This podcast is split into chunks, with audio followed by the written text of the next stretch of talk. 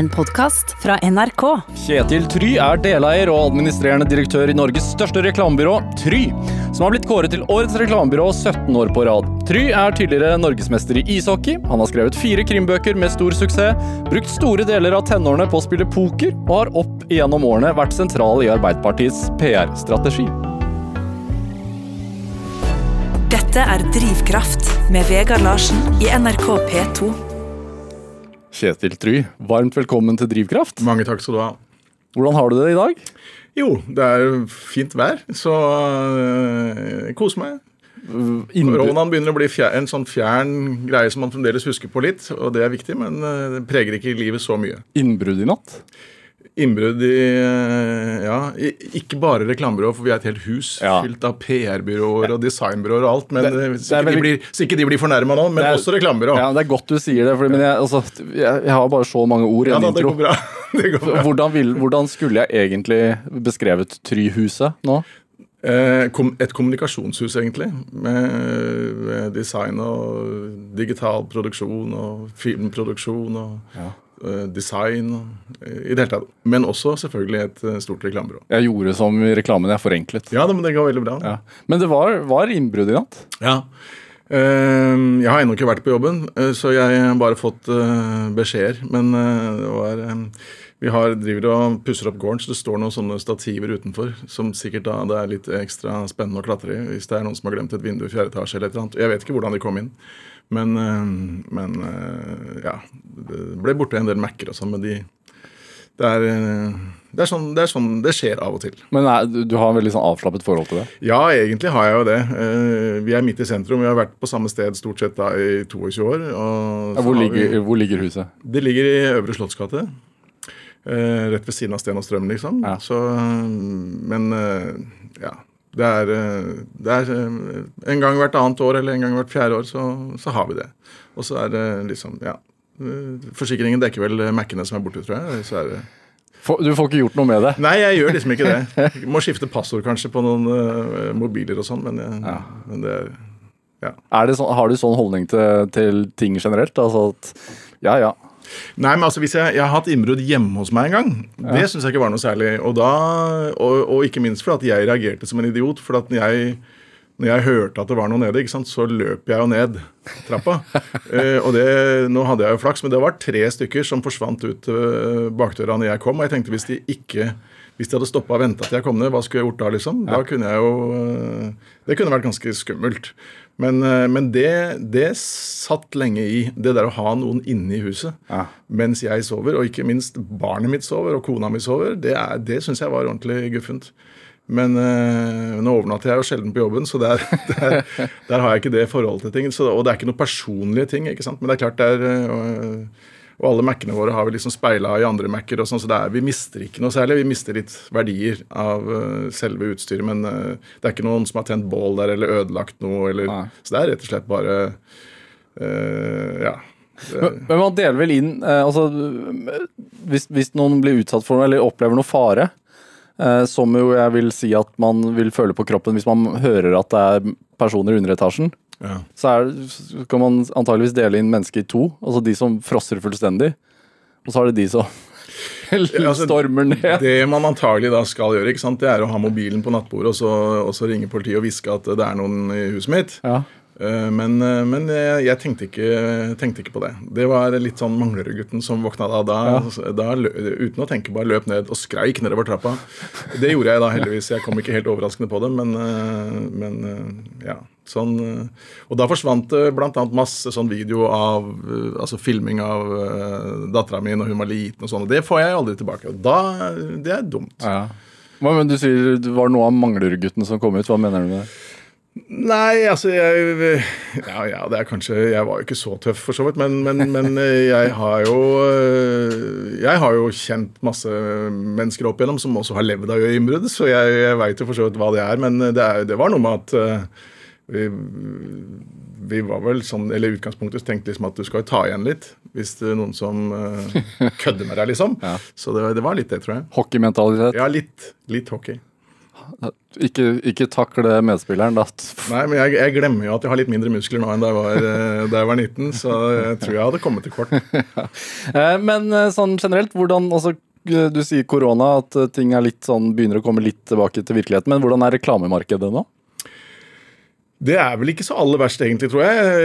Jeg, jeg har jo egentlig mer enn nok med å, med å følge med på, på, oss eller øh, vår butikk, men jeg tror at er øh, Mange har blitt overraska over at det har gått forholdsvis smertefritt for de fleste, men det er klart at hvis du sitter med masse reiseliv og hoteller og flyselskaper og treningsstudioer, så har de nok merka dette. Ja, Da vil du heller ikke annonsere eller har ikke råd? Nei, de har jo stoppa, for de har jo blitt stengt ned. Så det er klart at det er litt avhengig av hvilke kunder man har. Men, men de fleste har nok gått ålreit fordi at de har permittert litt, og så har de kanskje gått litt ned i omsetning. Men, men overraskende, overraskende bra, tror jeg faktisk. Ja. Også sånn eh, Jeg var jo fast seer av Mad Men, TV-serien, mm. eh, om, om, et reklamebyrå i, i, New York. Ja. Eh, og der forstår jeg at det er liksom, man har noen kjempestore kunder som er viktige for firmaet. Mm. Hvilke, er, hvilke er Trys? Og vi har mange kjempestore kunder, heldigvis. Eh, et av dem var, en av dem var Norwegian, og det er klart at den, de, de, eh, brukte jo ikke så mye reklame, og gjør det vel fremdeles ikke, for å si det sånn, men, men eh, har jo nå i hvert fall fått en ny sjanse, og det er jeg veldig glad for. Men nei, vi har DNB som kunde, vi har Tine som kunde, vi har Orkla som kunde, vi har Volkswagen som kunde. Vi har, eh, ja, vi har, eh, vi har mange. Telia. Eh, og nå, jeg, nå, blir noen sure for jeg ikke nevnte ja. dem, men sånn er det jo. Men det er mange, det er mange store. Ja, altså det, uh, Try ble starta i uh, 98. Ja. Uh, du og Einar Fjøsne. Ja. blitt Norges største reklame, altså Det er blitt Norges største reklamebyrå.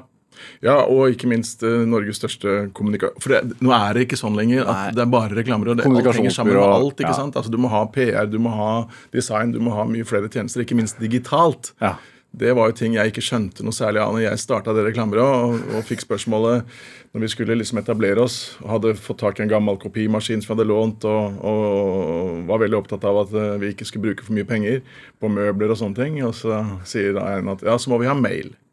Mail? Må vi ha mail? sa jeg. Og det får jeg jo høre hvert julebord, selvfølgelig. Men, men, eh, men det, er, eh, det, er, jo en av de store, store endringene, selvfølgelig. At uh, nå kommer det folk som er Content marketing. Ja, det er alle, alle sånne ting. Persona, altså sånn personifisert uh, markedsføring på nett. Ja. Alt sånt.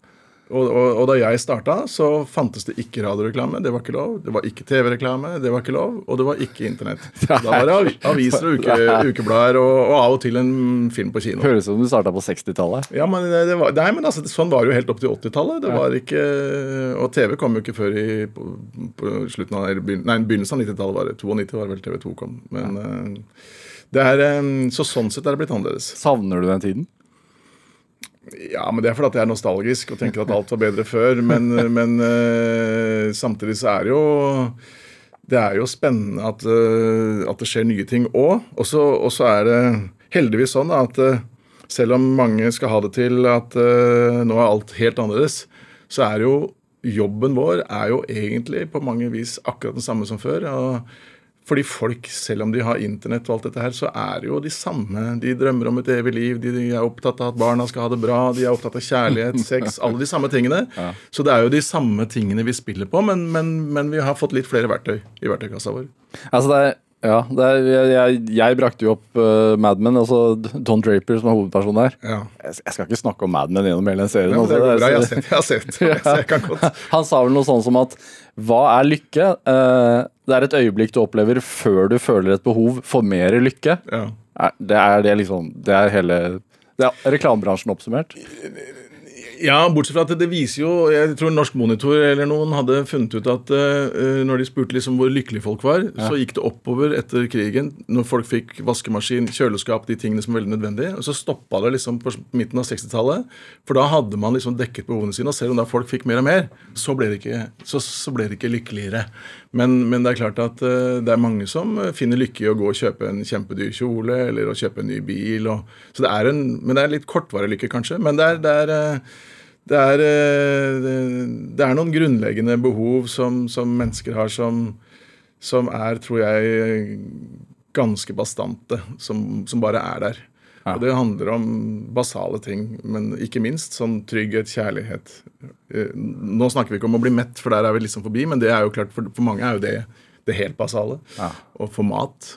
Eh, Og en del steder i verden så er det jo sånn. Men i Norge så er, er vi jo på spissen av den der Maslow-pyramiden. Ja, det er vi.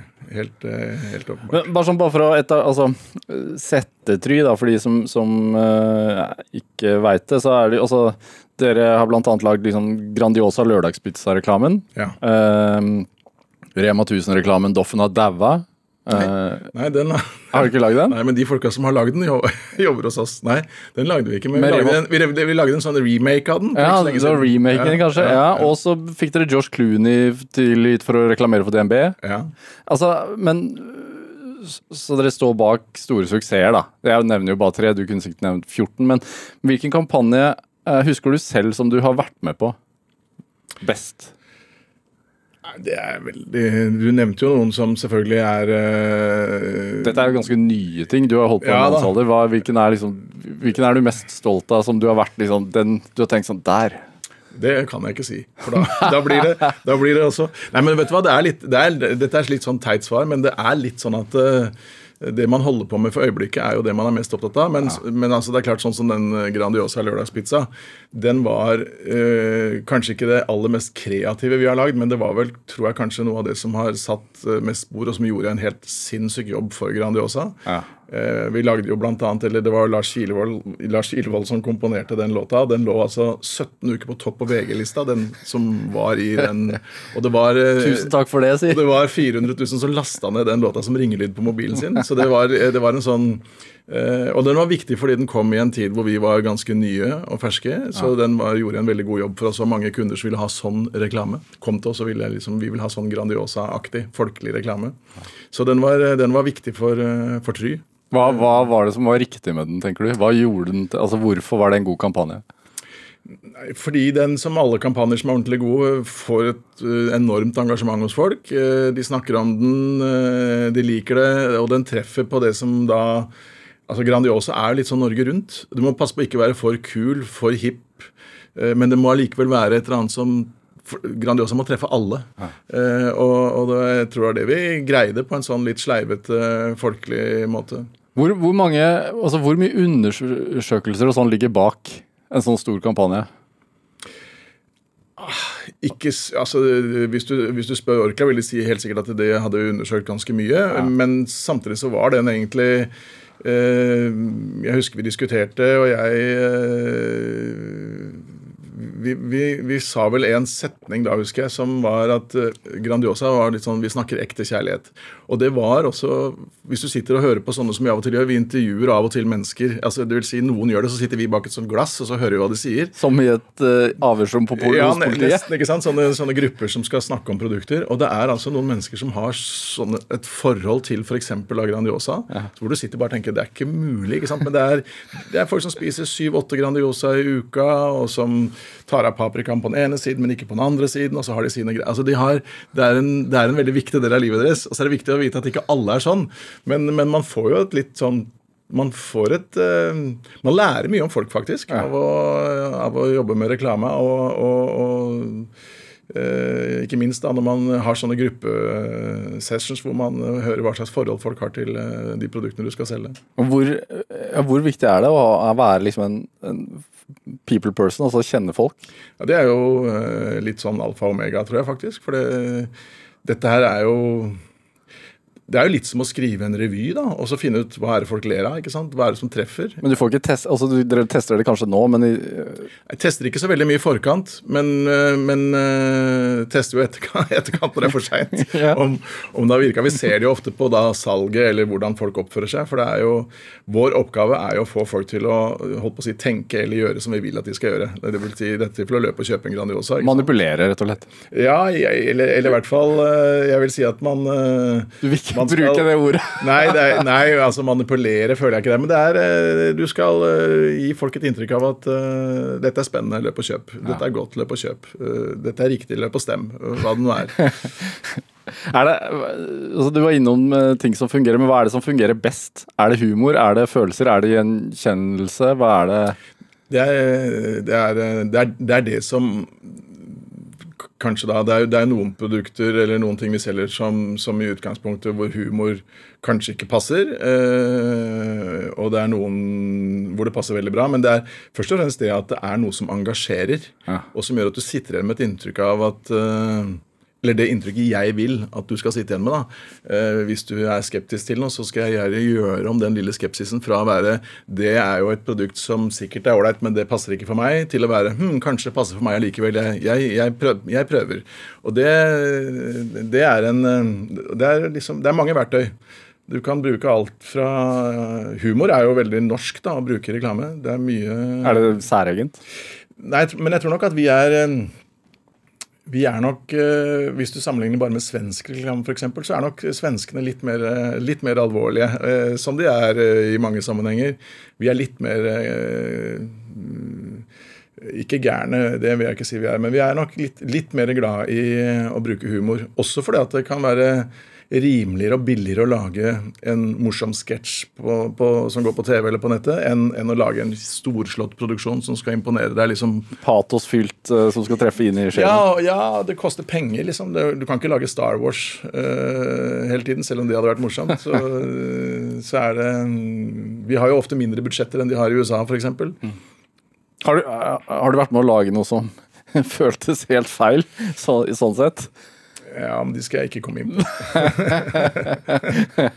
Men er det Har du hatt, fått samvittighetskvaler noen gang, da? Nei eh, Da har jeg i så fall fortrengt det. Men jeg, jeg, jeg har jo noen ganger hatt sånn at jeg har testa på meg selv kan jeg forsvare dette? Og da har jeg alltid tenkt for meg at jeg sitter i Dagsnytt 18, og så er det en som sier Ja, Kjetil Try, du skremmer jo tenåringer til å, til å bli radmagre eller til å gjøre sånn og sånn. Hva, hva, hvorfor gjør du det? Og da må jeg ha et godt svar.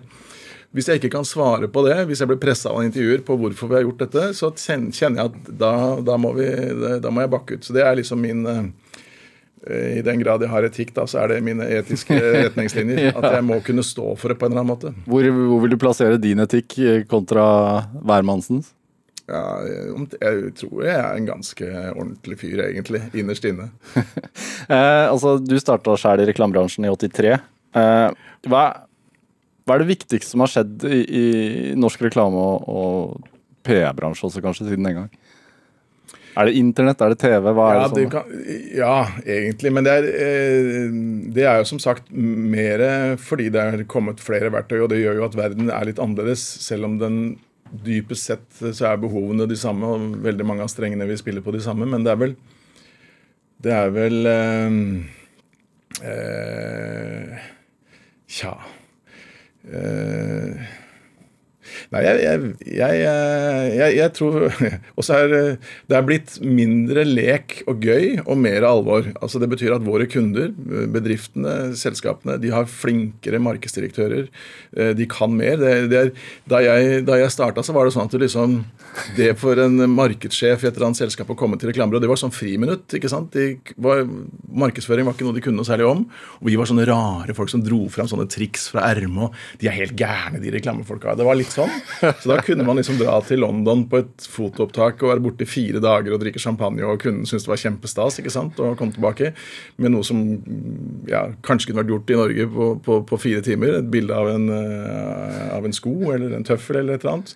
Hva vi skulle fotografere. Men da var, man, da var det litt sånn eh, ja, Det var mer løssluppent. Det, var, det kom en del gøy ut av det, men det er, nå er det mye proffere, på Ja, godt og vondt. da. ja. Litt kjedeligere, men, men eh, det lages jo mer effektiv reklame nå, tror jeg, enn det ble gjort på 70- og 80-tallet. Men var det morsommere da? Ja, på én måte var det det. Hvor du hadde en kunde som hadde mye penger og ikke var så opptatt av hva dette ble, men hadde det gøy og, og var villig til å ta store sjanser. Eh, Så det var, og så er jo selvfølgelig alt er litt morsommere når alt er nytt for deg. Da. Jeg var 23 år ikke sant, og kom inn i en verden som var helt, helt annerledes det jeg var vant til, men eh, det var moro. Dette er Drivkraft med Vegard Larsen i NRK P2. Og i dag er administrerende direktør i Tryhuset. Kjetil Try er hos meg. Det er bedre å si Tryhuset, er det ikke? Det er mer dekkende for Ja. det vi eh, driver med, på en måte. Takk. Eh, som vi har vært litt innom, altså det vokste opp på Manglerud, øst i Oslo.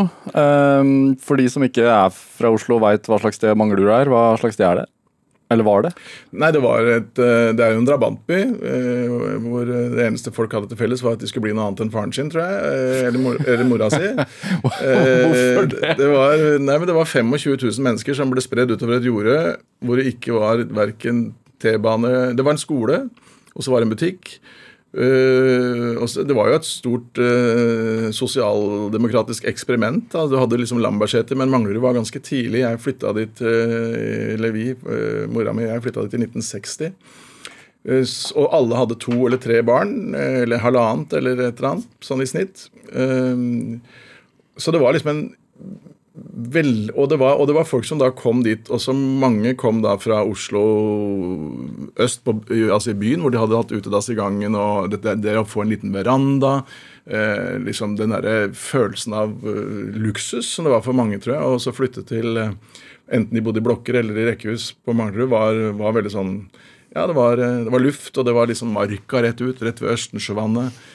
Og så var det et sted hvor uh, Altså, jeg er veldig fremdeles veldig Manglerud-gutt. Det er ikke noe jeg koketterer med. Jeg kjører forbi der og innom der hvis jeg har sjansen. Til min kones store frustrasjon. Hvorfor når jeg skal sitte og peke på at der, det klasserommet hadde jeg, da satte jeg det vinduet der. Jeg er veldig nostalgisk. Men, eh, men et eh, bra sted å vokse opp. Men det var eh, dessverre mange som ikke vokste opp. Så det var ganske tøft. Hvorfor er du nostalgisk, tror du? Det vet jeg ikke riktig, men de fleste er vel litt. Jeg er ganske nostalgisk, og særlig på Særlig på, på den tiden der eh, Nei, jeg vet ikke. Dødsangst, kanskje? Ikke, jeg, jeg vet ikke riktig. Men Ja. jeg, jeg hadde mye Jeg mener at det var et veldig bra sted å For meg var det i hvert fall et veldig bra sted å vokse opp. Ja. Vi hadde eh, psykiater Finn Skårderud her i et annet Drivkraft. og han, Vi snakket om det med nostalgi, for han, han sier han er nostalgisk selv, og at man blir det ofte jo eldre man blir. Ja. Og at det, det ofte trekk, altså at man da trekkes mot barndomshjem og oppvekst og Ja, det er dødsangst. Ja. jo, nei men, nei, men det er nok litt eh, Det er nok eh, kanskje litt det, altså at man eh, ja, vil gjenoppleve Uh, ungdommen. Dette er sånn vi kan bruke reklame, vet du. Ja. Er det, hvordan var, altså hva var det som er var fint med barndomshjemmet, da, siden du er nostalgisk rundt det? Ja, nei, Kanskje det ikke var så veldig mye med hjemmet, selve hjemmet, men det, det, men det, det er klart at det å ja, jeg, jeg tipper mange, altså Jeg lagde en gang et program eller var med å lage litt type program som dette, eh, hvor jeg bare snakka om Manglerud og spilte musikk fra artister fra Manglerud. Det er mange av de. Ja, det var, og, og mange, og jeg kjente dem alle sammen. Det var liksom Marius Müller, og det var eh, Rolf Graff i Lava, det var eh, Reiersrud, og det var eh, halvparten, nei, to tredjedeler av a-ha. Altså, det var, det, var en sånn eh, og, da, eh, og etter det programmet hvor jeg liksom snakka om det å vokse opp der, så jeg har aldri fått så mange meldinger fra folk som ikke nødvendigvis vokste opp på Manglerud, men i andre drabantbyer, da, som følte at de, liksom, de kjente seg sånn igjen. og Og dette er folk eh, De du nevner, nå, er jo folk eh, sånn cirka rundt i den generasjon. ja, Hvorfor var Trond Granlund er litt eldre, han også. er ja, Men hvorfor, hvorfor var det et kreativt sted å vokse opp for, for den generasjonen, tror du? Jeg vet ikke om det var så Det er sikkert mange andre bydeler som også har mange folk, men det er Jeg tror, jeg tror noe av det Når du vokste opp på Manglerud, så, så, så var det litt den derre Vi hadde Manglerud Star, ikke sant, som, som, var et, som ble norgesmester i hockey. Med deg? Ja, ja, eh, faktisk. Jeg var ikke hovedaktør, men jeg var, eh, jeg var på A-laget. Du var på isen. Jeg var på isen. Eh, Men, men den der, det at eh, Da var vi veldig stolte. Altså Manglerud var liksom ikke Vi var ikke i nyhetsbildet hver dag, vi, liksom. Plutselig så var det litt sånn Og det samme gjaldt jo da type Marius sånn. Vi var utrolig Som en liten bygd ville vært. Vi er en stor bygd da, med 25 000 mennesker, eller hva det var. Men men, eh, Og det skulle bare mangle at ikke det kom bra folk der. Altså det var eh, Men Vokste du opp i blokk eller i Nei, i rekkehus. rekkehus? Ja. Og faren din var advokat? Ja, han, han bodde ikke der. Altså Moren og faren min var skilt fra jeg var eh, ett år. Ah. Så, så Var du og moren din? Ja. Og hun var psykolog? Hun var psykolog. ja. Og, jobbet jo, og, det, og det var jo veldig spesielt på den tiden. For alle de andre mødrene var jo da stort sett hjemme. Ah. Så de fikk, alle mine kamerater fikk jo mat når de kom hjem fra skolen, mens mens, mens mm, Det hendte jeg ble med dem hjem, da, så fikk jeg litt mat, jeg òg. Hva fikk du, da? Nei, jeg fikk jo ingenting. Jeg måtte jo finne, finne på et eller annet. da. Jeg, jeg, greide jo å skjære brød, men, eh, men det var litt det var et litt annet, eh, litt annet hjem enn det å ha skilte foreldre den gangen. Jeg kjente ingen andre som hadde det. Ah. Så det var, det var annerledes. Litt annerledes. Men ikke noe, altså, det var ikke noe sånn sutrete. Men det, det, det, å gå, det å gå med nøkkelen rundt halsen den gangen var litt sånn, det var nok flere av de naboene som liksom nesten syntes litt synd på meg, da, som, det, som ikke hadde mamma hjemme. Men, uh, Merka det. du det på noe vis, eller hva- er det en følelse jo- du har Jeg fikk jo det, ja, nei, men det var mer at jeg, jeg ble alltid tilbudt mat og sånn når jeg kom til venner. ikke sant? Så jeg tenkte at jeg kanskje ikke fikk uh, nok omsorg. ja. Når var det du Altså, hvor gammel var du da du måtte begynne å klare deg sjøl? Eh, jeg, ja, jeg klarte meg jo egentlig ganske mye sjæl da jeg var ganske liten òg, men, men eh, moren min eh, gifta seg med, på nytt og flytta til, ut i Sylling. Da var jeg Jeg vet ikke hvor- er Sylling. Sylling er jo Lier. Altså, okay, ja. ja. Da var jeg Det krangla moren min om. hun er død nå, men vi krangla om det litt. Hun mente at jeg var liksom 16, men jeg, jeg er ganske sikker på at jeg var nærmere 14, men i hvert fall 15. Eh, så da hadde jeg det rekkehuset for meg selv, eh, og det var jo både bra og litt eh, I hvert fall sånn i ettertid. Så var det både Det var litt tomt. Litt stille. Ja, for hun flytta dit, Da flytta hun til, til Sylling. og du ble værende. Ja. Ville ikke til Sylling. Nei, jeg spilte jo hockey. Ja, han, eh, mannen hennes hadde 4000 høner og drev gårdsbruk, så jeg, jeg det, var helt, det, var, det hadde vært helt utenkelig for meg å flytte dit. Ikke fordi jeg har noe mot høner og, og gårdsbruk, men eh, det var ikke det jeg så for meg at jeg skulle drive med. Og jeg tenker sånn, Hvis man er 14-15 år, så Altså, Når man er 14-15 år, så drømmer man jo om å ha en kompis som bor i et hus aleine. Det er litt sånn Pippi Langstrømpe. Ja, men det var litt, og det var litt sånn Jeg skal love deg at det var, det var litt sånn det var òg. Det var jo folk som ringte på hos meg midt på natta og sto der. Det var litt seinere, når de kom fra byen, liksom, og det sto- der med en dame ved siden av seg som jeg ikke hadde sett før, og lurte meg kunne kaste ned nøkkelen så de kunne låne kjellerstua mi. Så det var jo litt sånn Det var et, det var et fristed. Eh, Ja, Hva gjorde du? Kasta du nøkkelen? ja, ja. Det var jo det var, det var, Og det hendte at jeg kom hjem og noen hadde sett at et vindu sto oppe og bare hadde klatra inn, for det var sikkert greit, liksom. Så, så det, var, det, var en, det var en ganske eh, eh, Ja, det var ikke åpent hus, men det var eh, Alle visste jo at jeg bodde der aleine. Ja. Så det var Og jeg, jeg var jo eh, Jeg var jo øh, Det var jo det som var litt øh, Baksiden av eh, medaljen var jo at det er klart å komme hjem hver dag hvor det ikke er noen der. Altså et sånt et, øh, rekkehus hvor det er bare stille. Og det gjorde jo at jeg da var mye ute på kveldene. Ah. Fordi at jeg Og så kom jeg hjem og slo på radioen, og da var det sjømannssendinga som gjaldt etter klokka tolv. Det var eneste stedet hvor du kunne ha lyd. Men eh, Men eh, Ja, nei, det gikk jo bra, da. ja, for det høres jo Jeg tror jeg hadde vært litt redd. Nei, Jeg var ikke så redd, men, men det var litt ensomt. Ja. Det var det.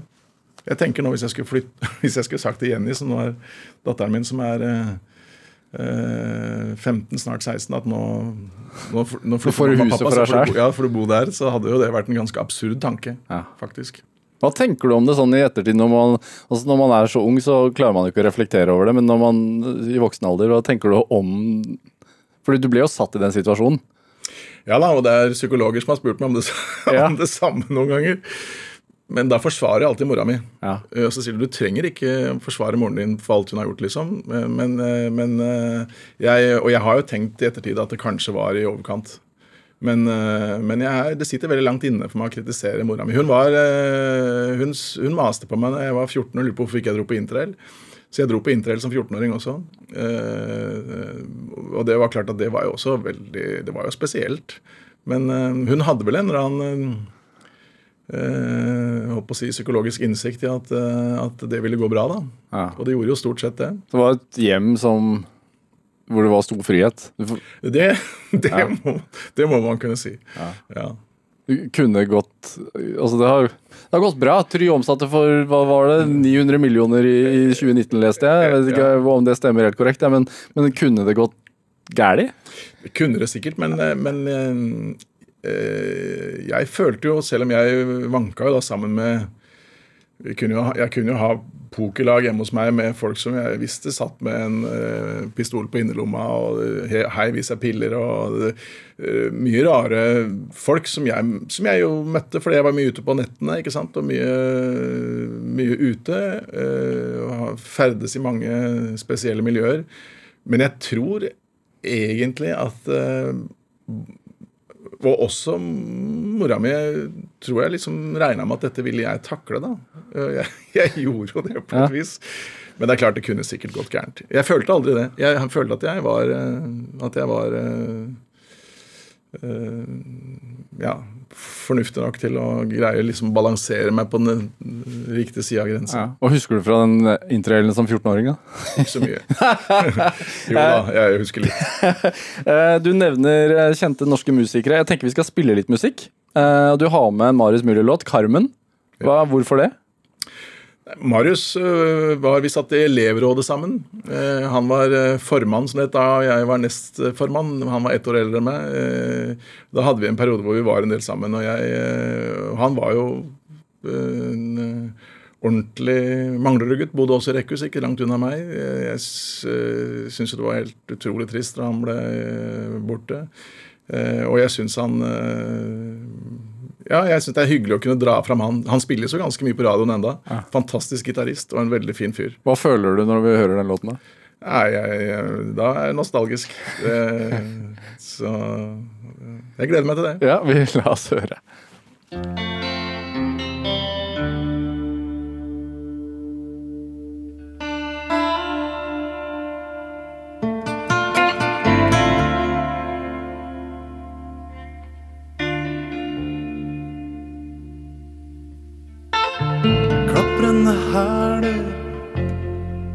Kastanjetter. Beksvart natt og flakende lys. Hissige gitarer og folk som svetter. Karmen danser hver eneste dans. Jeg sitter stille, ser på livet. Føler meg langt hjemmefra. Er som slukt opp av det som hender. Makter ikke gå derifra.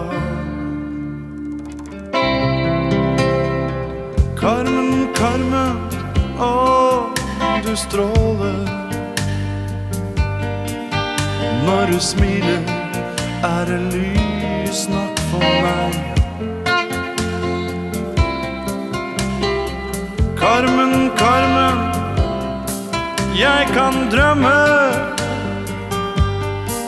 Og når jeg drømmer,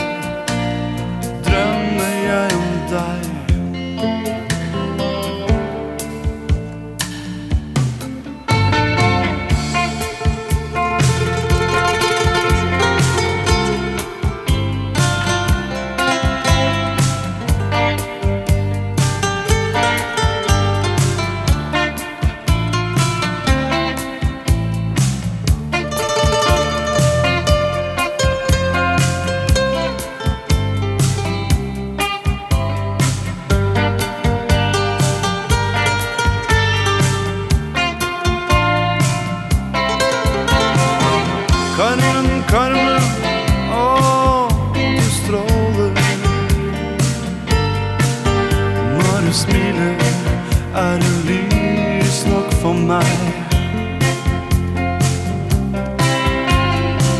Karmen, Karmen, jeg kan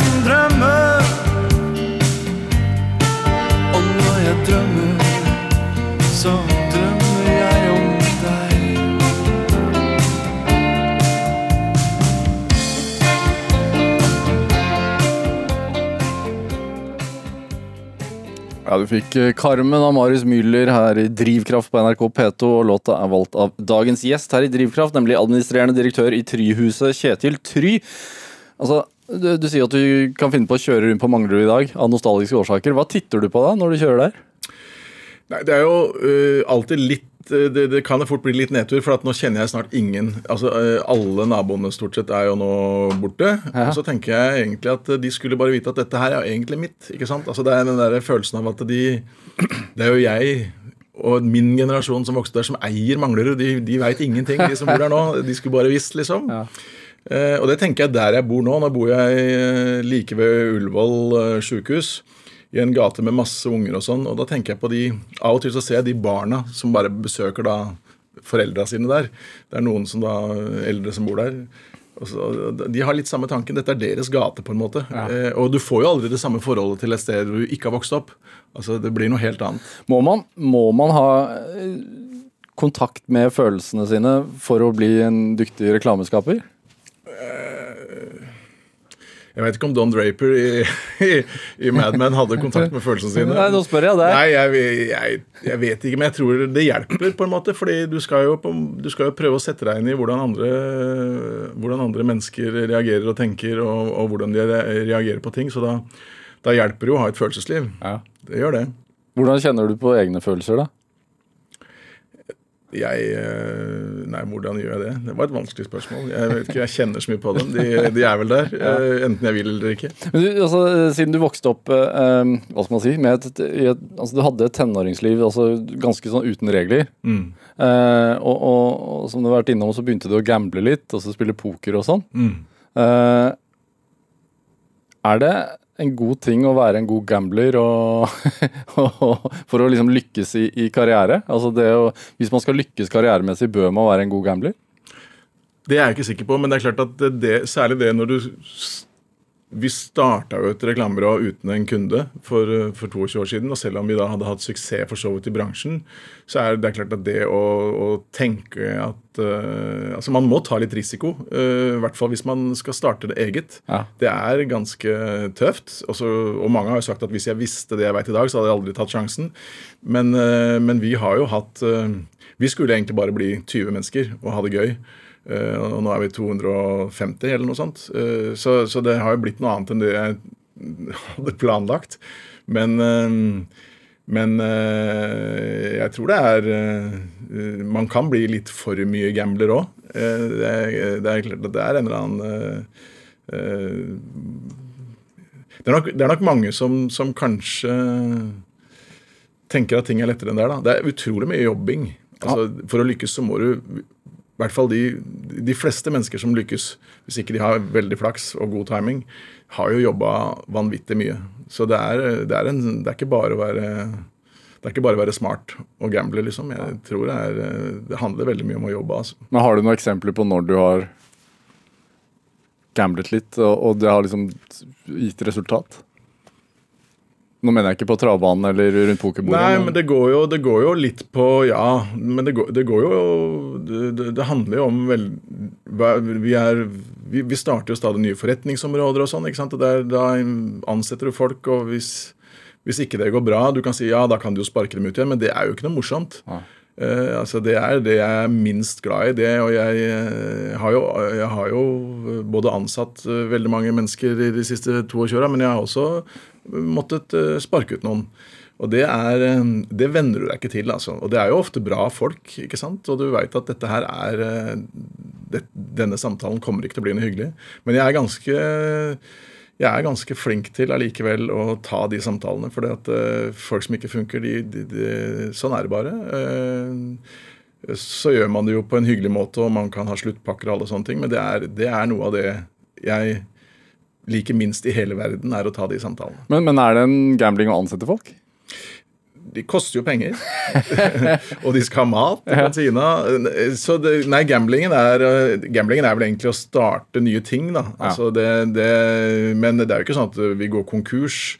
Eh, Så jeg føler ikke nå at det å drive den butikken som vi gjør nå, er så veldig mye gambling. Men det er klart at det er jo eh, Jeg føler jo at jeg har jo et føler jo veldig at jeg har et ansvar. Det er, liksom, det er ganske mange mennesker som, med familier og alt som lever av den, eh, det, det jeg en gang har starta. Ja. Og, og da er det klart at du får litt sånn følelse av at uh, det er viktig at det går bra. Så når jeg har én måned med dårlige tall, liksom, så sover jeg dårlig.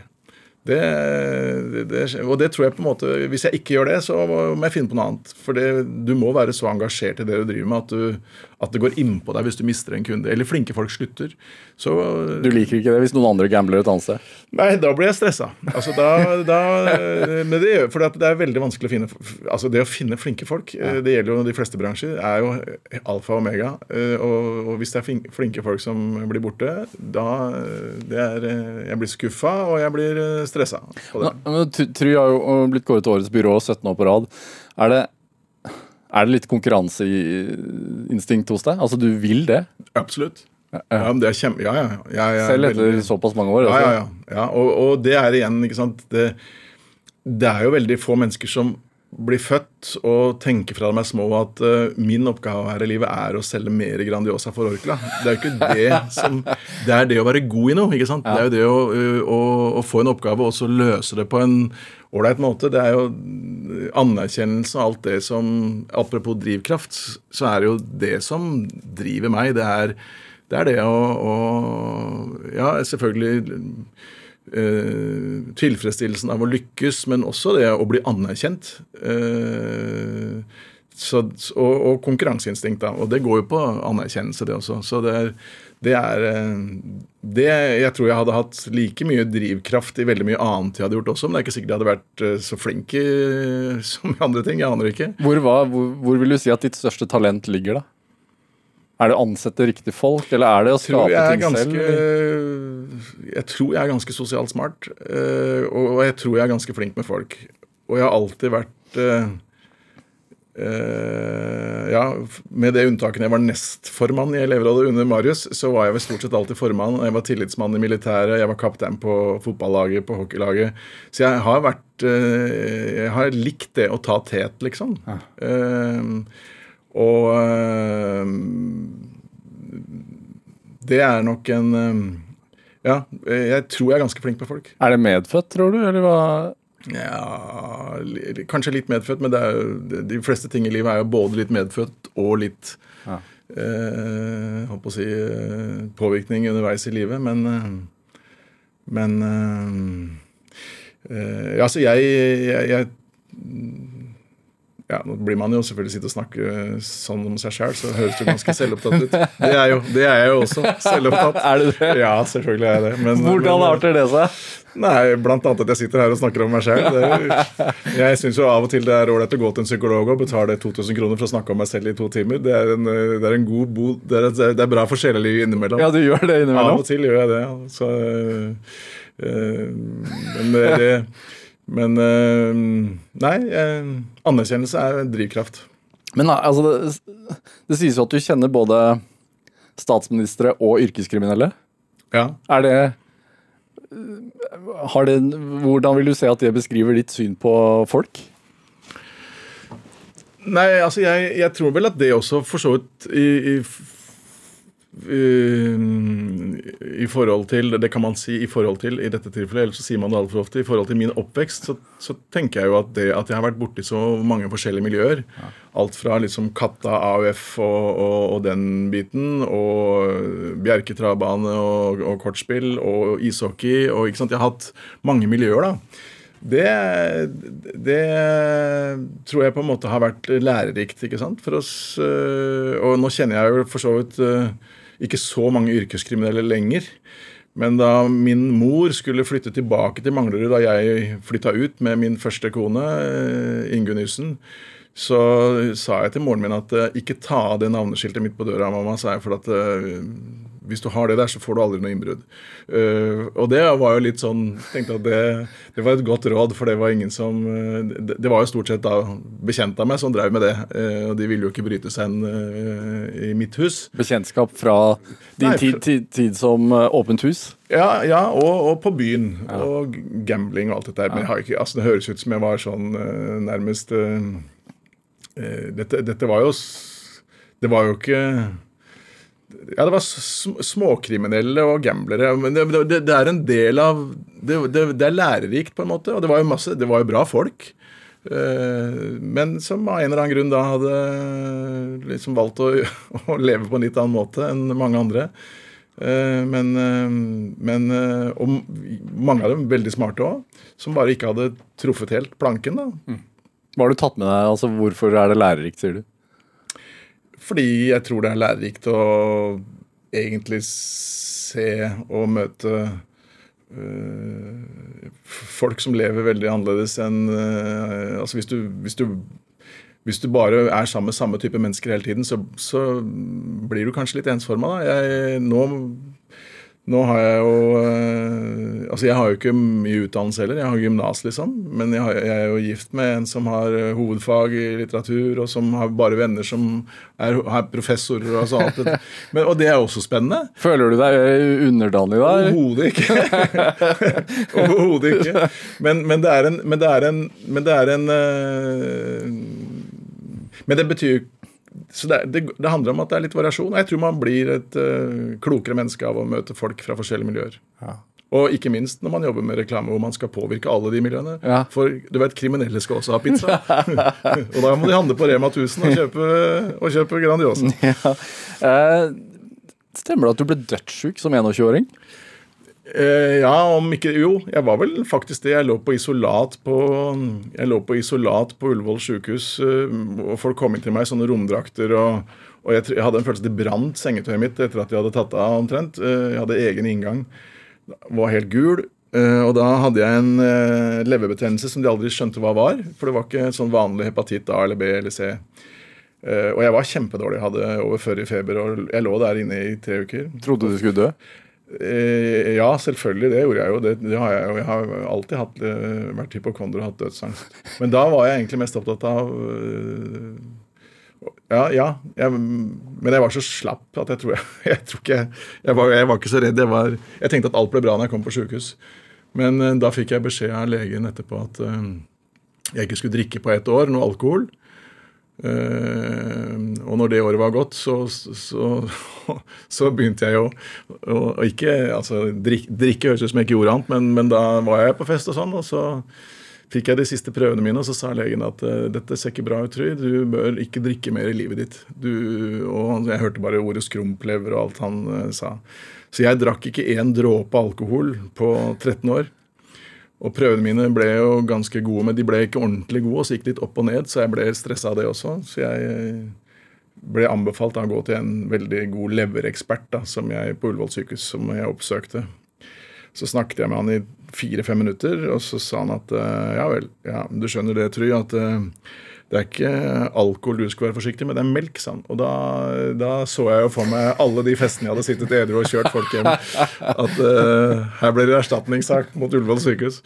Men det var jo for så vidt en god nyhet, da. 13 år uten. Ja, Og det fra du er 21 til du er 33. Da tenkte jeg kanskje det var en gud Det var en gud der oppe som tenkte at nå må jeg passe på han der unge Try, for nå har han vært mye på byen i det siste. Så sånn ble det. Dette er Drivkraft med Vegard Larsen i NRK P2.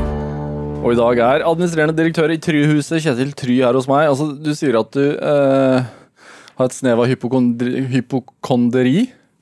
Ikke et snev, nei. Nei, jeg, jeg, jeg, Jeg er blitt litt, blitt litt bedre, for Ja. nå har jeg passert 60. ja. Og da tenker jeg liksom ok, da er det ikke en katastrofe eh, liksom om jeg, hvis jeg dør nå. Men det er liksom, Men, altså, det er nesten 30 grader ute i dag. Ja. Du kommer hit med en Ha med deg en ullgenser i tilfelle det var kaldt i studio. Ja, det, går mer på, det går mer på erfaring. At jeg veit at det ofte er kaldt i sånne studioer. Å sitte i T-skjorte kan være kaldt hvis det er aircondition.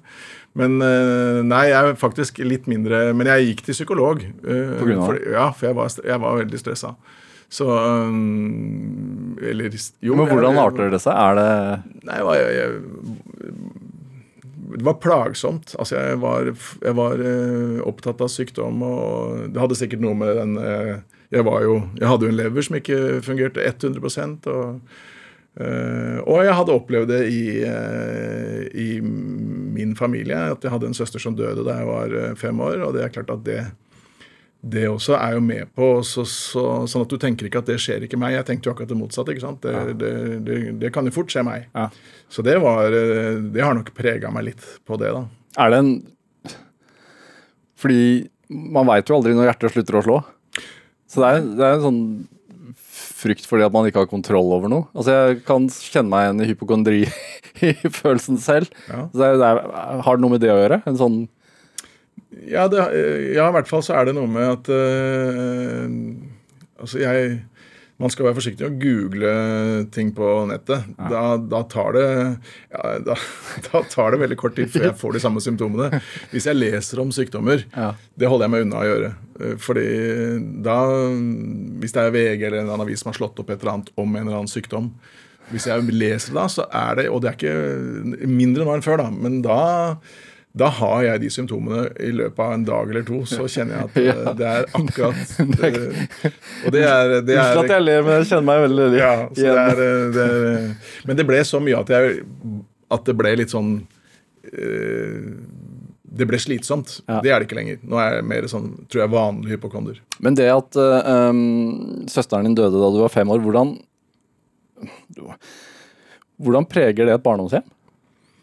Ja, Når du er fem år, så er det klart at det, er litt vanskelig for meg å, å For hun var syk helt fra jeg ble født, Ja. og lå på, på syk... ja, Vi delte rom, men det, det husker jeg nesten ikke. Eh, Jeg husker det bare vagt, men hun var eh, veldig syk og var, hadde en svulst på hjernen som ikke kunne operere. Så hun var lam og hun var blind, og det var bare veldig trist. Eh, Men jeg tenker på foreldrene mine. at det må jo ha vært eh, hun, hun, De fikk beskjed om at hun kom til å dø veldig raskt når hun var to år, og så levde hun til hun var eh, nesten tolv. Ja. Og det, det, det tenkte jeg når jeg fikk barn selv også, at det, hvordan det er mulig å være foreldre med å alltid lure på om hun er i live når de kommer hjem. liksom. Det, så det var eh, Ja, det Men det er klart det preget jo selvfølgelig moren og faren min mye mer enn meg fordi jeg var så liten, men det satt jo i. Eh, det, det, mer enn jeg tror jeg tenkte den gangen. Men eh, ja. Er det um, Har man det Altså Snakket dere om det noen gang?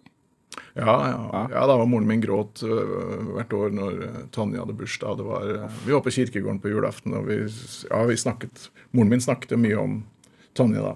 Som, og jeg syns det var vanskelig jeg synes, jeg, jeg, Ja, det var trist. Men, men jeg tenker sånn når man, når man lærer seg å gå videre etter sånne ting altså Du har jo Ah, jeg, kjenner jo ikke jeg deg, men jeg antar at du har en helt vanvittig arbeidskapasitet og har hatt det opp igjennom. Ja, Samtidig som jeg er ganske lat i tillegg. Men, men blir man sånn, altså Når ble du målrettet? Uh, nei, jeg har egentlig vært ganske målretta, tror jeg, på, på de tingene jeg syns er viktige å få til. Ja. Eh, og jeg har jo jobba i mange Jeg har alltid vært veldig sånn Jeg jobba i søpla, eller renholdsverket som det jo heter, men søpla det var jo en sånn jobb som var drømmejobben på mange måter. Du var jo ferdig klokka 11, ikke sant. Og alle de som jobba der, da, da, da dro de og tok den andre jobben sin. Og det var jo stort sett å lakkere biler svart eller holde på med noe annet. Men, men eh, men da husker jeg også at jeg var veldig opptatt Da viste jeg liksom kameratene mine hvordan du bærer søppelsekker. og hvordan du, altså jeg var Du sånn, stolt? Ja, ja, ja, men jeg var det. liksom, Nei, jeg skal vise deg, Du tar den på kne, og så vipper du den opp, og så legger hun den der. og Så videre. Så det, det var et eller annet Jeg tror jeg alltid var veldig opptatt av å liksom være flink til det jeg øh, driver med. da. Eh, eller i hvert fall prøve å være flink. Det er jo ikke alt jeg er flink til. Men er det en viktig altså Er det noe du prøver å lære de du ansetter også? Er det en viktig Eh, egenskap? De, de jeg ansetter, da sier jeg stort sett til dem i det ansettelsesintervjuet at nå, nå kommer du liksom til oss Vi er norgesmestere i reklame, eh, og du vil være norgesmester. Da Alle som blir norgesmestere, må trene mer enn andre og jobbe mer enn andre. Sånn er det her òg. Og, det eh, og hvis ikke det du lager, virker, så går vi konkurs. Det, sånn er det. det er, No, no pressure. Nei, men sånn er det. Det er jo Og mange syns jo det er en fin utfordring å få. Ja. Hvor mange timer krever du at de jobber, da? Jeg krever ikke at de, Nok. jeg krever bare at det de lager, fungerer og er fint, og at det er hyggelige folk. Ja. Altså, Tryhuset er jo stort og velfungerende i dag, og det hva- er drivkraften liksom videre? Altså, du kunne Jeg veit du er glad i å spille golf. At du har 20 i handikap og ja, Du er glad i å gå noen runder. burde, burde det plager meg at jeg har 20 handikap. Jeg burde jo ned på 10, men det Men, men altså, du kunne latt kontoret gå sin gang, og du kunne spilt golf på heltid og Ja. Men da hadde jeg kjeda meg. Så jeg, jeg er veldig Ikke minst fordi jeg tror jeg er ganske sosial, så, så hjemmekontor og sånn passer meg overhodet ikke. eh, Og jeg hadde jo kjeda vettet av meg hvis jeg ikke hadde hatt en jobb å gå til. Hvordan har det vært under koronaen nå, da? Nei, det er, jeg er jo blant de som har vært på jobb nesten hver dag. eh, Men vi har sånn en tredje I dag faktisk så begynner vi med sånn 50-50. At vi liksom har halvparten på jobb og Ja. halvparten hjemme. Og det, det er jeg veldig glad for. Og da går jeg rundt og prater med folk og Men hva er det som er altså Når du har gjort noe så lenge med gode resultater, altså hva er det som er Hva er din personlige liksom, drivkraft i, i livet videre? Nei, det er jo litt det jeg sier. At det er å, å fortsatt være på topp. Fortsatt være Jo, men fortsatt, fortsatt skal de, eh, det selskapet Try eh, med eh, vi, vi skal være gode, eh, og det betyr at vi skal eh, ha fornøyde kunder, vi skal tjene gode penger, vi skal vinne priser i sånne reklamekonkurranser og designkonkurranser og sånne ting. Eh, og, og, og folk skal trives. Eh, og det, Den viktigste måten å få folk til å trives på i sånne jobber, er jo at de nettopp får lage fine ting og, og ha fornøyde kunder. Ja. Og så skal de stort sett da også tjene brukbart og få god lunsj. Det, Men hva er viktigst? Er det inntjeningen, eller er det anerkjennelsen og posisjonen? det henger så veldig sammen. Ja. Det gjør det, altså. For hvis uh, Anerkjennelsen handler om at det går bra, og det betyr både faglig og økonomisk. Det skal, det skal gå bra, liksom. Uh, og, eh, så det er, det er det å være ledende, det å bli sett på som en som har et selskap som er en suksess. Eh, Vi må ikke alltid være nummer én, vi kan godt være nummer to eller tre, men, men vi skal være i toppen, og det skal gå bra. Ja. Det, er, eh, det er en Ja, det er den jeg sier, det er en drivkraft. Altså, Jeg kunne sittet der en time til. Jeg skulle gjerne snakket om eh, PR-jobb og politikerprat og alt sånt, men det har jeg ikke tid til. Ja. fordi en time går fort. altså. Kjetil Try, tusen takk for at du kom hit til Drivkraft. Ja, takk for at jeg fikk komme. Kjartan Aarsson er dagens produsent. Eh, Linn Bølstad bidro også sterkt til dette programmet. Eh, send gjerne en e-post til drivkraft krøllalfa nrk.no, eh, eller følg oss på Instagram på NRK-Larsen. Vi hører også gjerne fra deg med både ris og ros og tips til gjester som passer her, som har sterk drivkraft. Vi høres! Du har hørt en podkast fra NRK. Hør flere podkaster og din NRK-kanal i appen NRK Radio.